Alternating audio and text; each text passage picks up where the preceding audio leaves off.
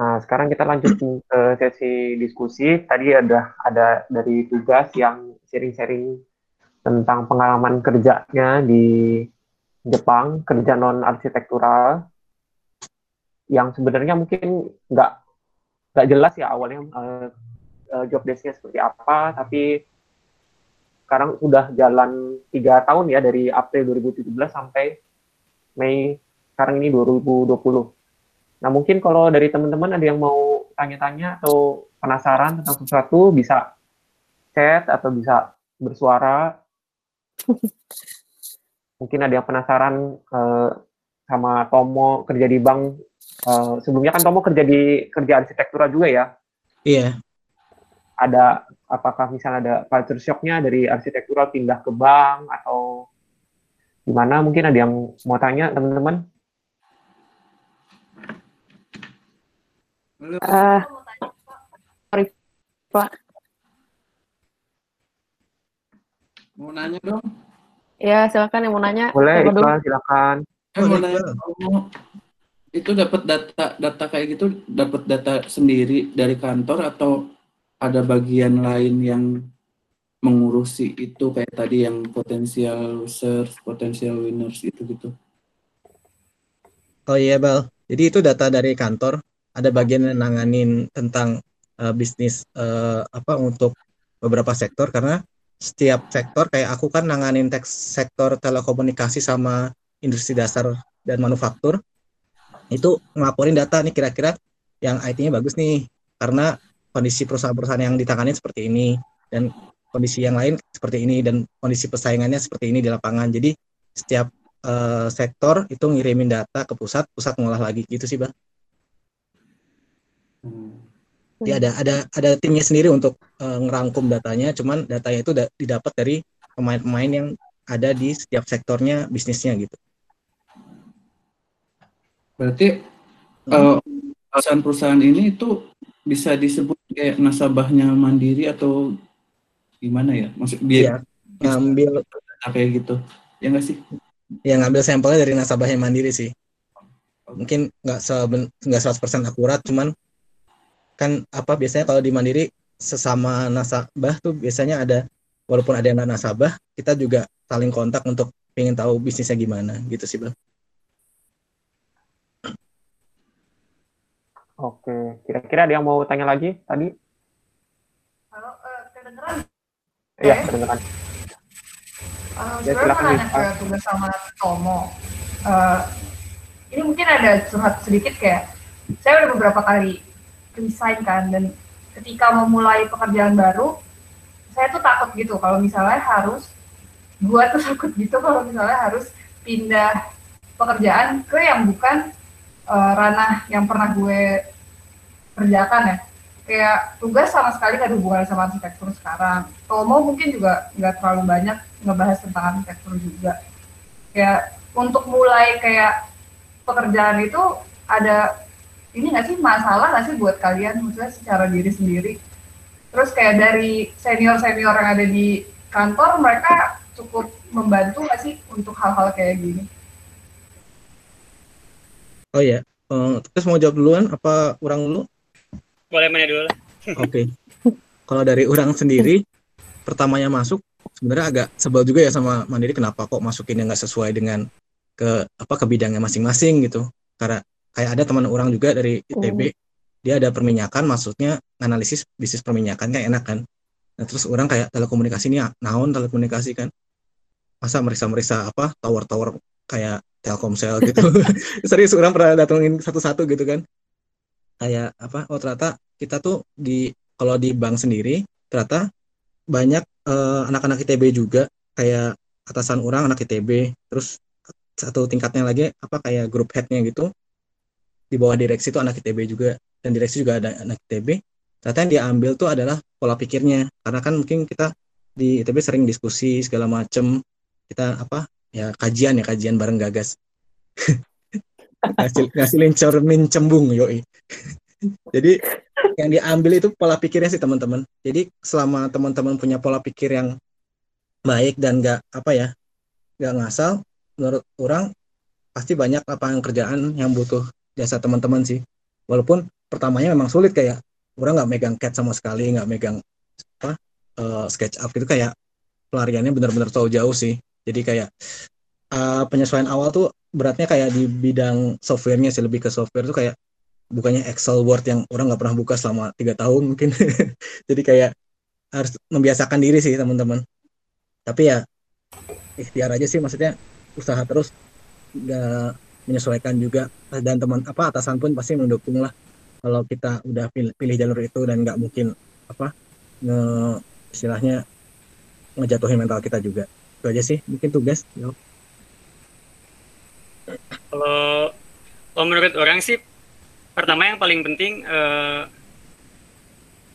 visi karir mana apa dulu Rif? Jadi misalnya uh, kalau buat orang ya misalnya orang pengen jadi spesialis atau orang pengen jadi generalis atau nanti di 50 tahun ke depan orang pengen kayak gini gitu menurut orang sih itu yang pentingnya dulu uh, jadi kalau misalnya goal orang di sini orang pengen pengen punya pengalaman apa aja sih gitu kadang buat buat jadi spesialis juga mungkin ada ada saat-saatnya mana uh, perlu ngambil pengalaman di tempat lain dulu biar mana bisa jadi spesialis yang lebih bagus lagi misalnya gitu ya.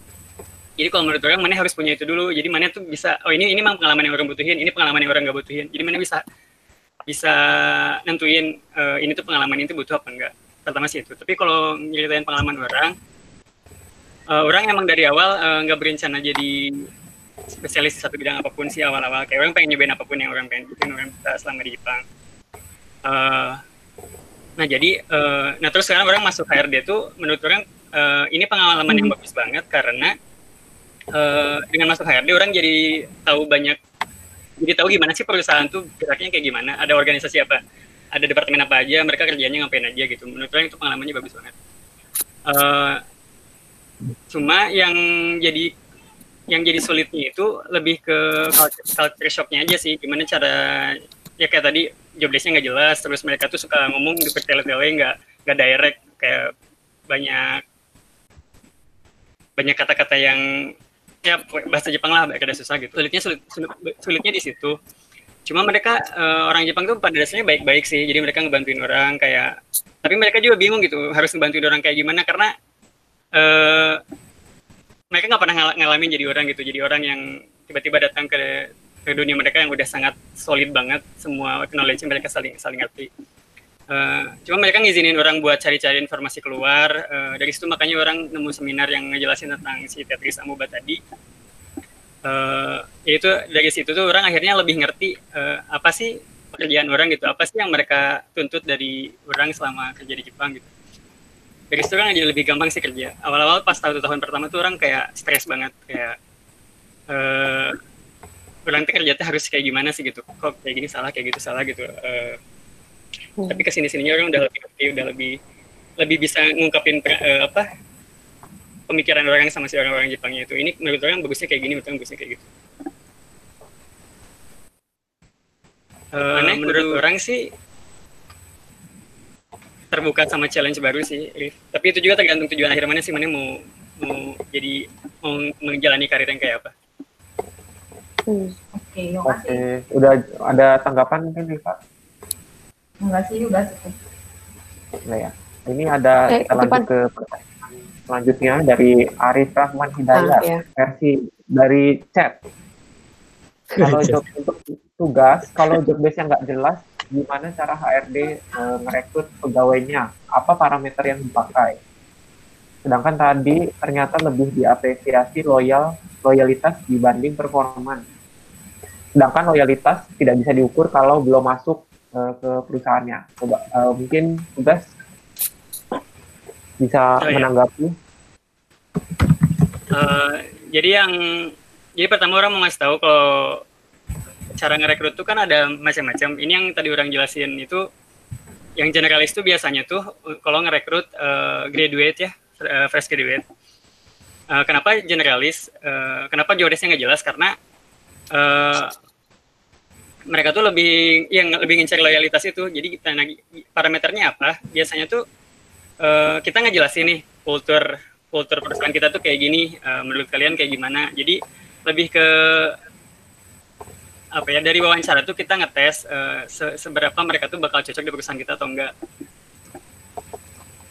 Uh, biasanya kita caranya nanya nanya-nanya kayak pengalaman mereka selama di kuliah misalnya uh, mana pernah punya pengalaman sulit apa aja terus gimana cara mana ngelewatin itu apa yang mana pelajari dari situ uh, itu tuh buat ngelihat uh, apa sih yang si orang ini tuh uh, uh, dia punya pemikiran kayak gimana sih? Apa yang dia dia apa ya bahasa ini? Uh, ya uh, way of thinkingnya kayak gimana? Uh, cocok nggak di perusahaan kita? Biasanya dilihatnya itu sih kecocokan antara si pola pikir orangnya sama si kultur perusahaannya.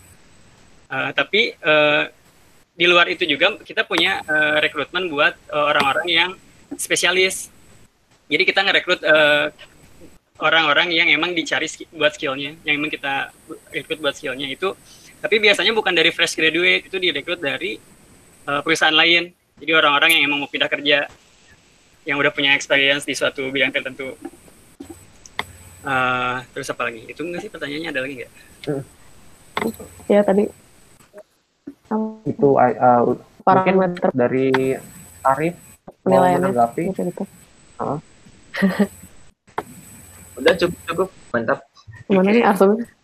Oh udah udah cukup. Oh udah. Hmm. Ada lagi nggak nih yang mau nanya? Lagi yang mau nanya-nanya mungkin? Gue hmm. mau nanya cuman takut panjangan yes. sih. oh, mau nanggapin dikit. Oh ya, oke oke. Silakan silakan.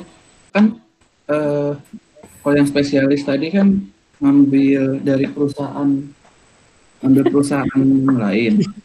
Nah itu tuh uh, ada headhunter atau gimana nggak sih? Misalnya dari HRD tempat mana juga itu uh, bekerja sama dengan headhunter juga atau orang dari perusahaan lain itu langsung apply apply aja gitu atau menawarkan diri perusahaan uh, biasanya itu paling banyak tuh yang kerja sama sama headhunter itu mana lagi di mana sih? Lagi di kantor. Fokus fokus fokus. Uh, justru lebih banyaknya dari headhunter sih yang pakai koneksi-koneksi itu jarang tapi ada-ada aja. Koneksi itu maksudnya bukan yang jalur gelap ya kayak oh ada orang ini orang pengen pengen banget ngerekrut ini misalnya gitu orang HRD yang bilang gitu.